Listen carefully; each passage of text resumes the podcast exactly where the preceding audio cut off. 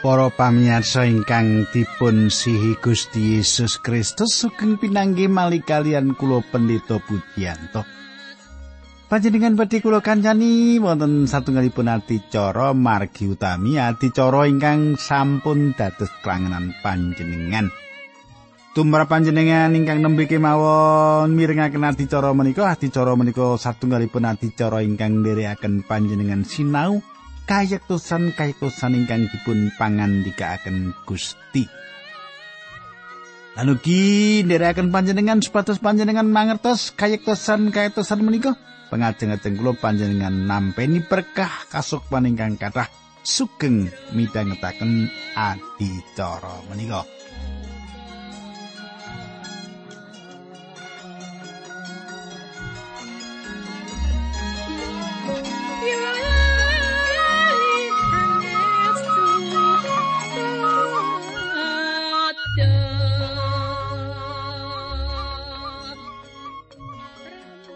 Para pamirsa saged ugi panjenengan tasih kemutan menapa ingkang kula aturaken nalika pepanggihan kepengker. Kula badhe aturaken ing pepanggihan kepengker kita nyemak bilih sinau para mitranipun Ayub. Nyukani kata pandakwan nanging Ayub tetep sentosa ing iman kapiandalanipun. Para pamirsa kita badhe lajengaken monggo kita tumungkul kita ndedonga langkung rumiyin. Duh Kanjeng Rama ing swarga, kawula bingah saged tetunggilan malih kalian sederek-sederek kawula. Kawula nyuwun Gusti berkahi acara menika lan sederek kawula menika kekiyatna awit pangandikan sinau kalian lampanipun ayub menika. Dinambaran asmanipun Gusti kawula Yesus Kristus kawula ndedonga haleluya amin.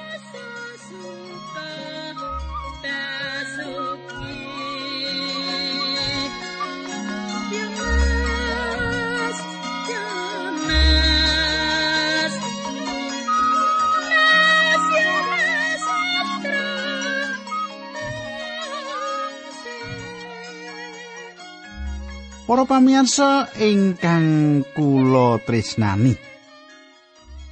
Samenika pasinan kita lumebet kitab Ayub bab kalih dosa.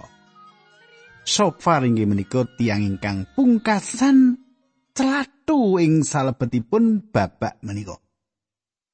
Babak menika badhe kapungkasi sami-sami kiyatipun saderengipun Sofar gadah satunggal malih wewengan kangge sanjang. Imut bilih sofar inggih menika tiang ingkang legalis. Piyambakipun pitados bilih Gusti Allah makarya manut angger-angger lan aturan. Mesti kemawon menika leres.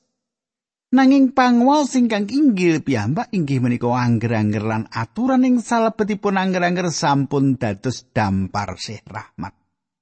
Sopar mboten mangertos menapa-menapa gegayutan perkawis menika. Para pamirsa, kula gadah panginten bilih jaman samenika kita saged sanjang sopar gadah gagasan ingkang ilmiah. Sopar gagas panjenengan ngesokaken gesangipun panjenengan ing salebetipun wadah kangge dadar lan hasilipun tansah wonten. Piyambakipun ingkang sanjang pilih samukawis mboten nate waging sir pilih samukawis terus lumampah wiwit dasar jagat raya menika dipun yosok. Sopar mboten mangertos menapa-menapa gegayutan sih rahmat Allah. Piyambakipun tetep gadah pikiran ingkang kiat.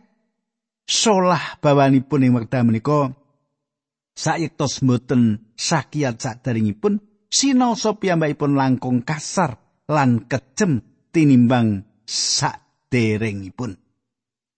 Piyambakipun menika tiang ingkang jumangkah randat nanging gadah manah ingkang keras. Piyambakipun ngantem ayub seru awit piyambakipun ngrumaosi wekdalipun sampun pungkasan wonten ing mriku. Sinaosa piyambakipun boten nepangaken perkawis-perkawis ingkang enggal. Piyambakipun ngedalaken sedaya ingkang kedah dipun dalaken. Piyambakipun sumende ing kalenggahanipun minangka tiyang ingkang sampun pengalaman lan piyambakipun sumende ing legalisme ingkang sami. Piyambakipun nyepeng teori bila Ayub inggih menika tiang ingkang saestu duraka awit paugeran ingkang meratelaken bilih tiang duraka menika kedah dipun hukum. Menika dados menapa ingkang dipun tengenaken? Samenika kula badhe maosaken bab kalih dosa ayat tunggal kalih tiga nggih. Makaten surasipun. Sopar sanjang makaten. He Ayub, atiku ora kepenak ngrungokake tembungmu mulane aku arep enggal mangsuli. Tembungmu kuwi satemene gawe wirang, mula arep ndak wangsuli apa mestine. Para pamirsa, Sopar meratelaken minangka jejeripun politikus ingkang nindakaken alasan kalenggahan. piyambakipun sanjang pilih piyambakipun saged nyukani wangsulan. Sopar ngatingalaken minangka jejeripun politikus. Piyambakipun badhe nglantaraken perkawisipun alandesan jinis alasan ingkang sami ingkang sampun dipun ginakaken saderengipun. Sopar sanjang pilih piyambakipun badhe mbangsuli kasunyatan ingkang sampun umuripun abatan. Menapa menika? Samenika kita lajengaken ayat sekawan bab kalih dosa kitab Ayub. Apa kowe ora ngerti yen wiwit jaman kuno mula wiwit manungsa dititahake ing alam donya? Kadang kula inggih menika ingkang dipun lantaraken sofat. Menika satunggalipun ringkesan ingkang mligi ingkang dipun beberaken ing salebetipun wadah kangge dadar jaman kepengker lan manggihaken bilih perkawis menika leres. Kula lajengaken ayat gangsal, kasenengane wong ala kuwi mung sedhela. Semono kabungane wong duraka mung sekedhep netra. Para pamirsa panjenengan tingali menika satunggalipun kasunyatan ingkang umuripun sampun abatan. Kateng kula, kula gadah kekajengan ngaturaken satunggal pitakenan dumateng panjenengan. Pinten to panjangipun cekak menika lan pinten to panjangipun panjang menika. pinten to umuripun tiang lamis menika kala-kala ketinggalipun tiang duraka umuripun panjang nanging ingkang leres inggih menika pungkasanipun tiang-tiang menika badhe dipun hukum ayat 6 lan pitu senadan kaluhurani sundul langit lan sirahe tekan ing mega nanging wong mau bakal lebur ing salawase musna saka jagat nganggo cara sing asor wong-wong sing tau tepung karo dheweke bakal padha takon wonge ana ngendi Para pamiyarsa panjenengan gatosaken basa ingkang dipun ginakaken saestu ngidapi-dapi ing kitab menika. Kados sampun nate kula aturaken tiyang badhe maos kitab Ayub awit bahasanipun ingkang kebak nglairaken menapa ingkang wonten ing salebetipun manah. Ing pungkasanipun tiyang duraka badhe cilaka, saperangan saking para nem-neman jaman samenika nate mireng. Hitler lan para nem-neman menika mboten namung tanglet ana ngendi dheweke, nanging malah tanglet sapa to dheweke kuwi, nanging Hitler sampun mboten wonten. Hitler gesangipun panjang, nanging samenika sampun mboten wonten. Para pamiyasa kita lajengaken ayat 8 ngantos sedasa. Wong mau ilangi kaya impen, Kaya rupan sing katon ning wayah bengi ora katon ning mripat meneh panggonane wis suwung. Apa sing biyen dicolong saka wong miskin anak-anake sing kudu mbalekake. Kadang kula panjenengan timbang kados menapa cekakipun umur manungsa. Manungsa sanjang kados menapa sepihipun umur watu karang. Dereng wonten manungsa gesang ing bumi sepuh kados sela karang menika. manungsa menika makhluk neneka ingkang inggal ing jagat raya menika. Menawi mboten wonten kelanggengan ing ngajengipun kita, tinitahipun manungsa menika satunggalipun kegagalan ingkang ageng ingkang nate dipun titahaken Gusti Allah. Gesangipun cekak. Manungsa mabur kados dening ngimpi. Kula pitados bilih gesang Kristen menika aji ing wekdal menika. Kita gadah kekajengan nampi kelanggengan Gusti Allah sampun netepaken kelanggengan ing manah kita lan manungsa badhe terus lumampah tumuju dhateng kelanggengan. Sopar nyebat Ayub sanes namung tiang duraka nanging tiang ingkang lamis. Sedaya khotbahipun njlentrehaken dawahipun tiang duraka. Sopar sanjang tiang ingkang kados mekaten menika saged ugi nampi kalenggahan nanging sayektosipun perkawis menika meratelaken bilih dawahipun badhe tambah awrat. Sofar ngringkesaken inggih menika ingkang badhe dumados ing kesangipun Ayub. Salajengipun kitab Ayub kali dosa ayat 11 ayat gang 11 lan 19 ayat selikur meratelaken makaten.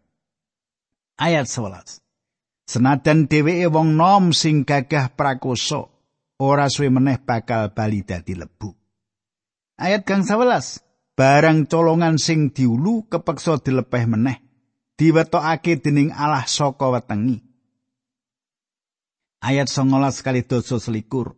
Sebab wis nindes lan negakake wong ora duwe ngerampok omah-omah sing ora dibangun dhewe, sarehne mung kepengin mangan mulane ora tau krasa warek, apa sing dipangan dientekake kabeh mula kasugiane ora langgeng. Kadang kula Sopar meratelaken bilih tiang kados makaten menika kados bahan bakar ingkang badi dipun ginakaken. Piyambakipun kados satunggalipun visi utawi angenan ingkang duraka ingkang badhe serno. Durakanipun kados tugelan manisan ingkang dipun simpen ing ngandhapipun ilat nanging badhe adamel gusi perih. Menika kados tetedan ingkang dipun tedho nanging Gusti Allah badhe meksa tetedan menika supados dipun muntahaken kauntunganipun ingkang kathah. Ingkang dipun tampeni saking anggenipun tumindak mboten adil lan badhe meksa piyambakipun damel tugelan korbanipun. Para pamirsa kita lajengaken ayat 33. Nalika nedeng-nedenge mangan, Allah rawuh karo duka bareng karo paukumani. Panjenengan katasaken sinaosa mboten setunggal kemawon ingkang badhe uwal saking kerakusanipun tiang menika badhe dawahing kemelaratan. Ingkang duraka piyambak Gusti Allah badhe mbucal bebenduhi patipat saking tiang menika. Ayat pitulikur ngantos songolikur ayub bab kalih doso. Pialane kawiyak dening langit bumi melu nglawan dheweke kasugiane bakal ludes kabeh dening mulat-mulating paukumane Allah. Kaya mengkono kaanane wong ala sing dikersakake dening Allah. Panjenengan gatosaken kasugihane bakal ludes kabeh dening mulat-mulating paukumane Allah.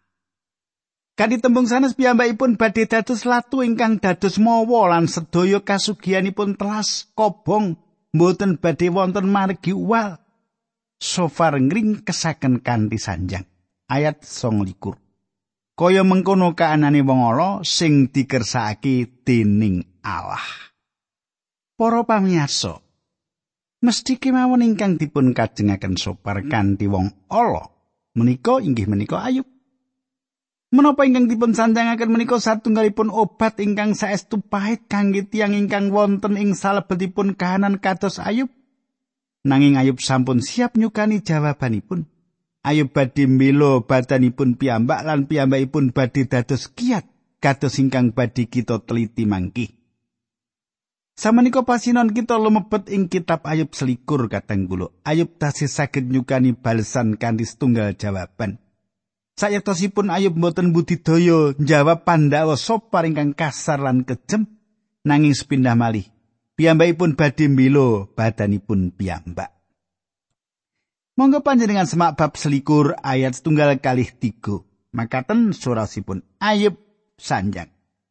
Rungokno tembungku, mung kuwi penjalukku. Aku sabarono supaya bisa nglairake rasane atiku.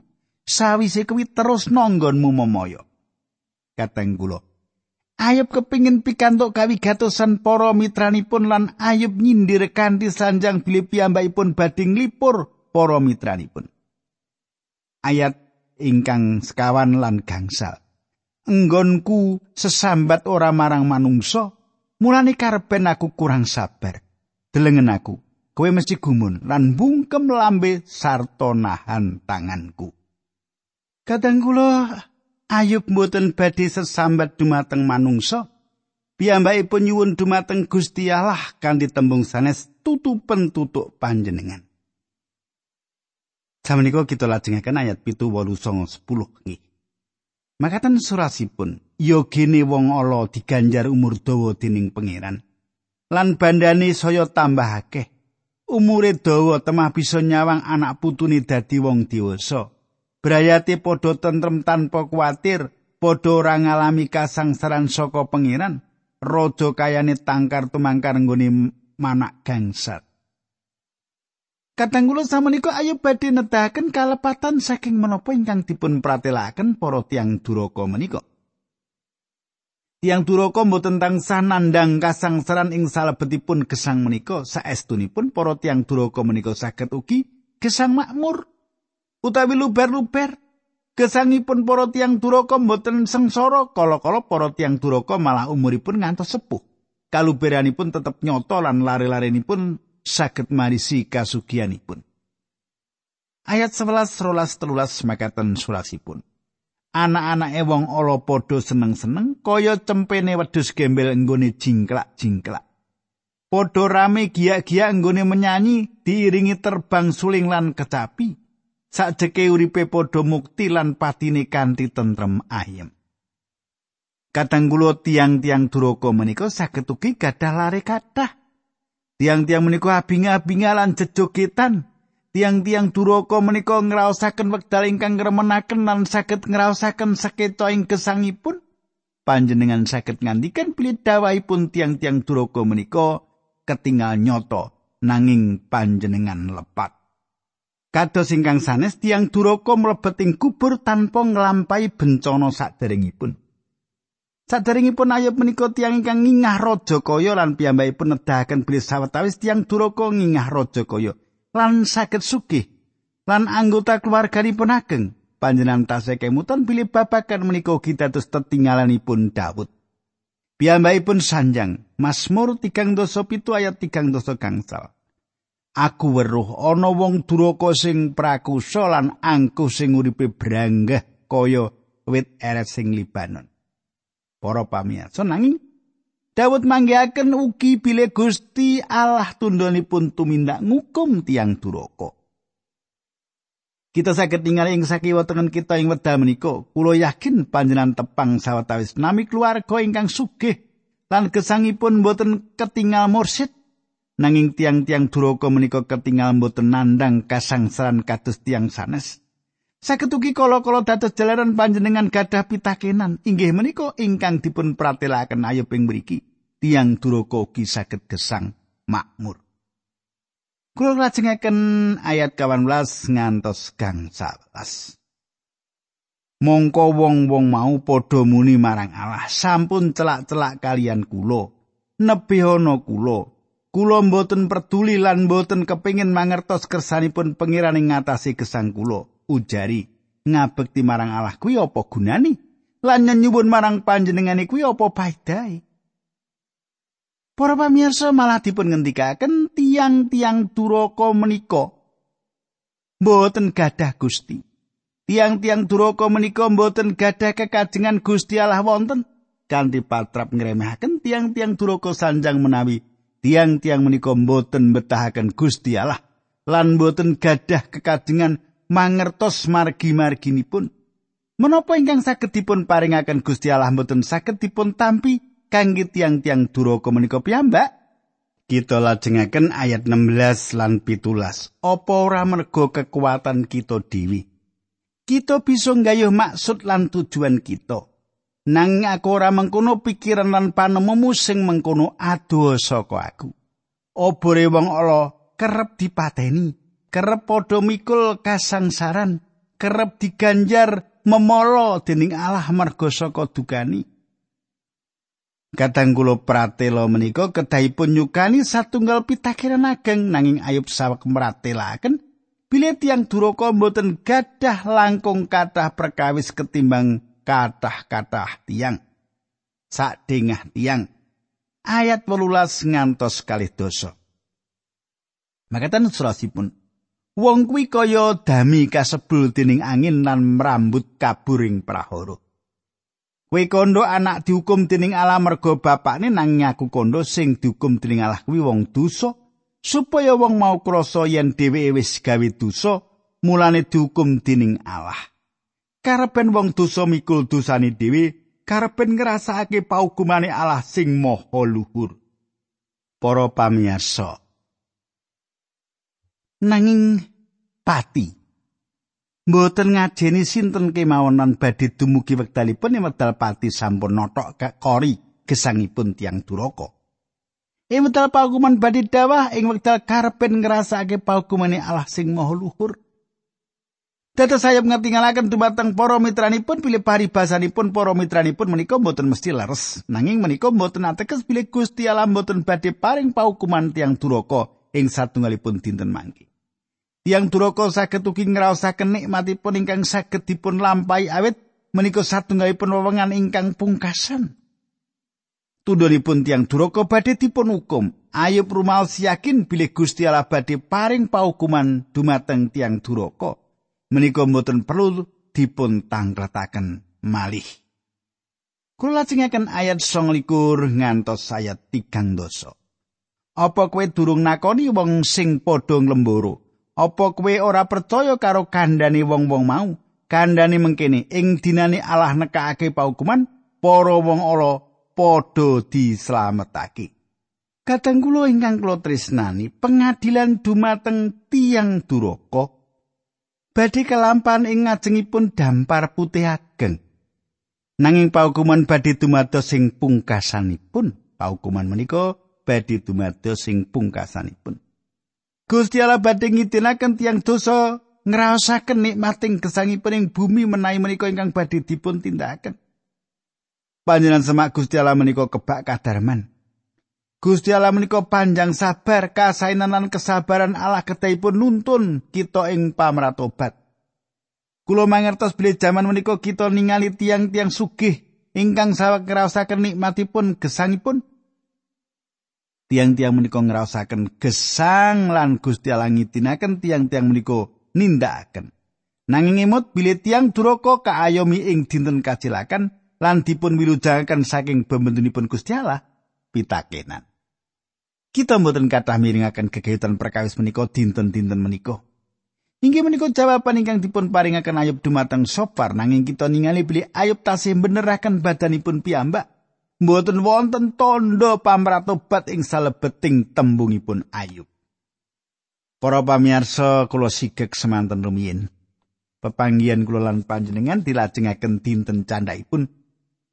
Menawi panjenengan badhe nyerati nanging saderengipun menika monggo ndedonga rumiyin nggih.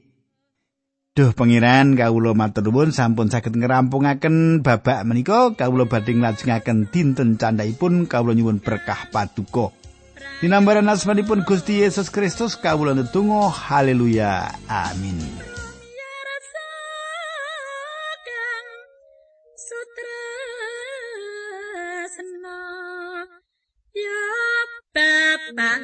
good